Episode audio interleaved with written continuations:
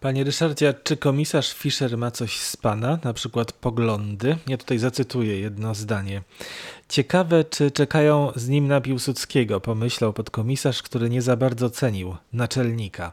Pomyślał tak o postumencie y, pomnika cesarza Wilhelma. Cesarza już nie było, ale nie było nikogo nowego na tym pomniku. Fischer, no nie wiem, czy tam ma coś ze mnie rzeczywiście, natomiast no, tutaj w Wielkopolsce od dawna istnieje taki pogląd i to wielu Wielkopolan go podziela do dzisiaj, że Piłsudski nie bardzo jest e, ceniony tutaj właśnie, ponieważ e, zarzucano mu już od czasów powstania wielkopolskiego, że nie wspomógł tego powstania należycie, tak jak być to powinno.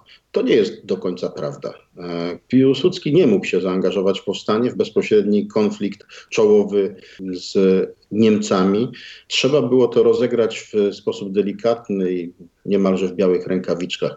Bo przecież mm, gdyby Piłsudski nie chciał pomóc powstaniu, to by rzeczywiście do tego powstania pomoc nie przyszła. Ale proszę zwrócić uwagę na jedną rzecz. Kto był pierwszym dowódcą powstania wielkopolskiego, które e, tak naprawdę zaskoczyło sztab generalny w Warszawie. Otóż dowódcą został kapitan Taczak, człowiek, y, pracownik sztabu generalnego, który przez przypadek przebywał akurat w tym momencie w Poznaniu u swojego brata.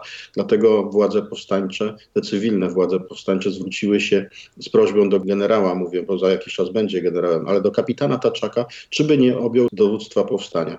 I w ciągu kilku godzin przychodzi z Warszawy telefonogram z pozwoleniem na to, żeby dowództwo właśnie objął Taczak, czyli pracownik sztabu generalnego. No kto podjął taką decyzję? No musiał tę decyzję podjąć nie operator telefonu w Warszawie, tylko musiał podjąć Piłsudski.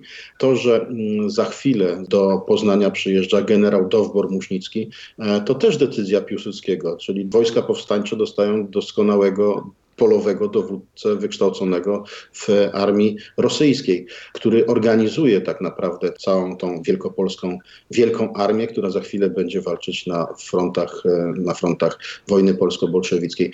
No więc e, pokutowało przez długie lata przekonanie, że Piłsudski nie pomógł, ale tak naprawdę robił to, co mógł w tej sytuacji, czyli nieoficjalnie pomagał, ile się dało.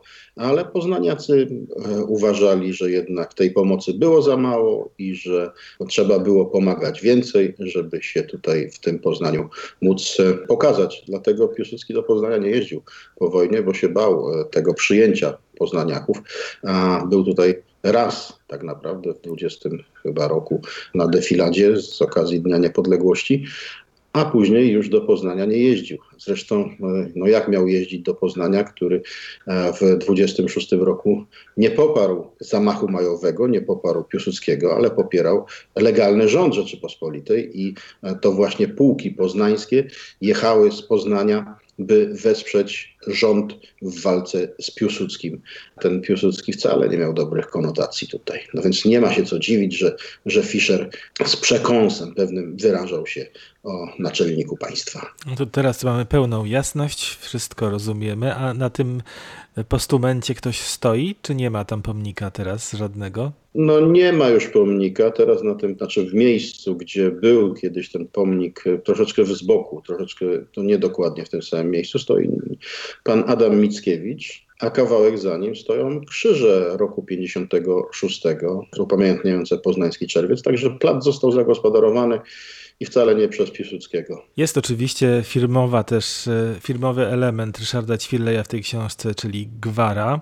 Pan tę gwarę jakoś tak wyssał z młodości, zainteresowany był pan, nie wiem, miałby pan kolegów, czy jednak jako e, już e, człowiek dojrzały po prostu zanurzył się pan w język gwary? Jak taki jak na przykład wygogolony, gemela, mamy jakiegoś zdeleciałego, jeśli dobrze pamiętam, kociambra z kacenionerem. Kociambra, zdalasiały kociamber zalasiały, czyli taki wędzniały, stary kot.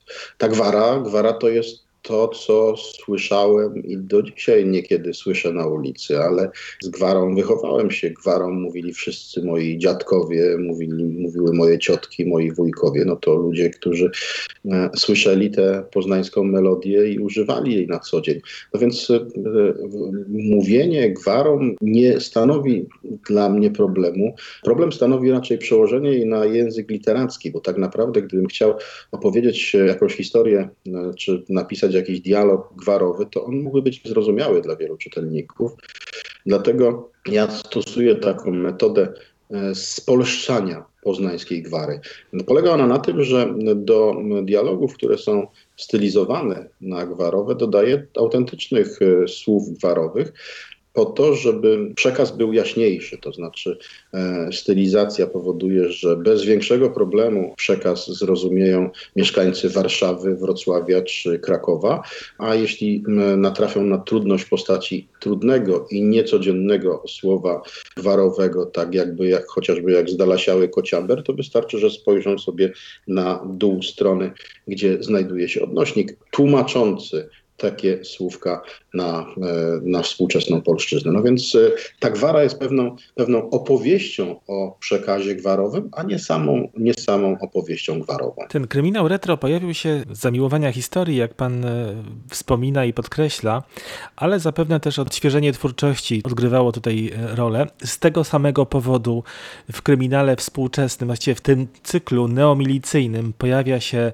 współczesność, współczesna Polska, no i przede wszystkim nowa bohaterka, Aneta Nowak, policjantka. No to specjalny zabieg, który spowodował, że po przejściach y, z literaturą, którą można nazwać literaturą neomilicyjną, po przejściach z tym twardym retrokryminałem, doszedłem do przekonania, że może trzeba spróbować czegoś jeszcze innego, czyli zanurzyć się w naszą współczesność, w naszą rzeczywistość, która nas otacza zewsząd.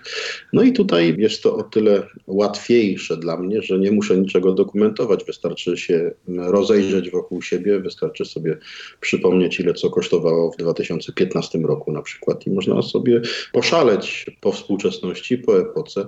No i przede wszystkim mm, myślę, że bardzo istotne jest to, że zdecydowałem się na krok, który wielu mi odradzało, bo już rozmawiałem wcześniej y, z wieloma moimi koleżankami i kolegami, że zamierzam coś takiego zrobić i chcę, żeby główną bohaterką mojego czy bohaterem mojej opowieści była, był nie mężczyzna, ale kobieta.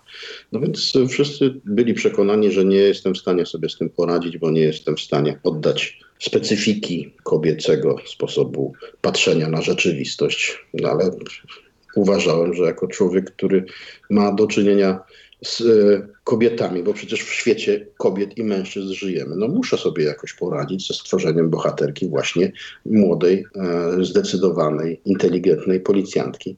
Dlatego, że jest to po prostu znak czasu. Dlatego, że dzisiejsza policja już jest w zupełnie innym miejscu niż ta policja jeszcze 20 lat temu, kiedy była to instytucja zdominowana przez mężczyzn, męż, mężczyźni rządzili a kobiety były na tych stanowiskach bardziej pośrednich, takich jak sekretarki czy panie w kadrach.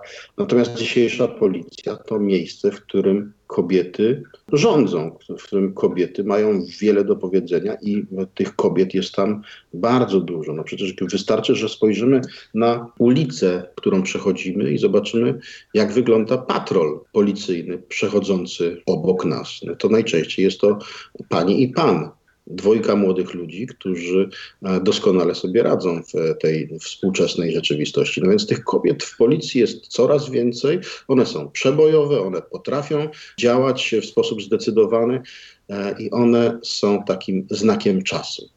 No więc jeśli chciałbym wiarygodnie, chciałem wiarygodnie opowiadać o dzisiejszej rzeczywistości, no to w tej rzeczywistości nie mogło zabraknąć kobiet policjantek, a że zabieg stworzenia głównej bohaterki i osadzenia jej w roli głównej rozgrywającej, rozdającej karty w kryminale powiódł mi się. O tym świadczą recenzje blogerek, które podchodzą z entuzjazmem do tej nowej postaci, do postaci Anety Nowak i cieszą się, że ktoś zdecydował się opisywać losy policjantek i tworzyć główną bohaterkę właśnie z, tworząc ją od podstaw, bo taki też zabieg w tych książkach, już nie skaczę z epoki do epoki, tylko opowiadam o tak naprawdę karierze skromnej policjantki, która z komisariatu w małej miejscowości zaczyna robić karierę w policji, osiąga Mam nadzieję, że w przyszłości osiągnie wiele spektakularnych sukcesów. Ja potwierdzam te głosy blogerek jako czytelnik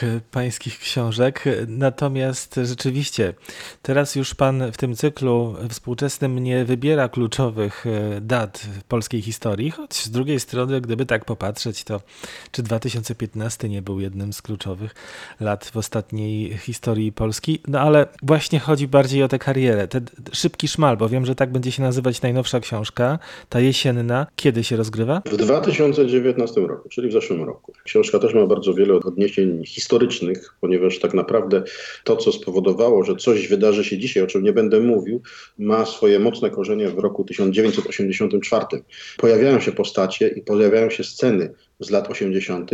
i to będzie jakby takim punktem wyjścia do tego, co się dzieje dzisiaj, w tym roku 2019. I tutaj właśnie e, główne skrzypce gra moja policjantka Aneta Nowak, która przebojem weszła już na, e, na salony policyjne i łapie sprawę w swoje ręce i mam nadzieję, że w sposób pokazowy doprowadzi do e, ukarania przestępców, posadzenia do więzienia zbrodniarzy. Jesienią będziemy wracać zatem do 2019 roku, a teraz e, wiosną, jeszcze wiosną możemy, możemy wrócić do 1922 roku wraz z Antonim Fischerem i Ryszardem Ćwirlejem, który był dzisiaj gościem Wieczoru z Kulturą. Dziękuję bardzo panie Ryszardzie. Dziękuję bardzo, bardzo było, było mi miło spotkać się z panem i spotkać się e, z radiosłuchaczami. Do zobaczenia w realu. Dziękuję, do zobaczenia już niedługo, mam nadzieję, we Wrocławiu, bo te wakacje szybko przelecą przelecą i mam nadzieję, że będę mógł do Wrocławia przyjechać i nic nie pokrzyżuje nam planów żadna paskudna epidemia.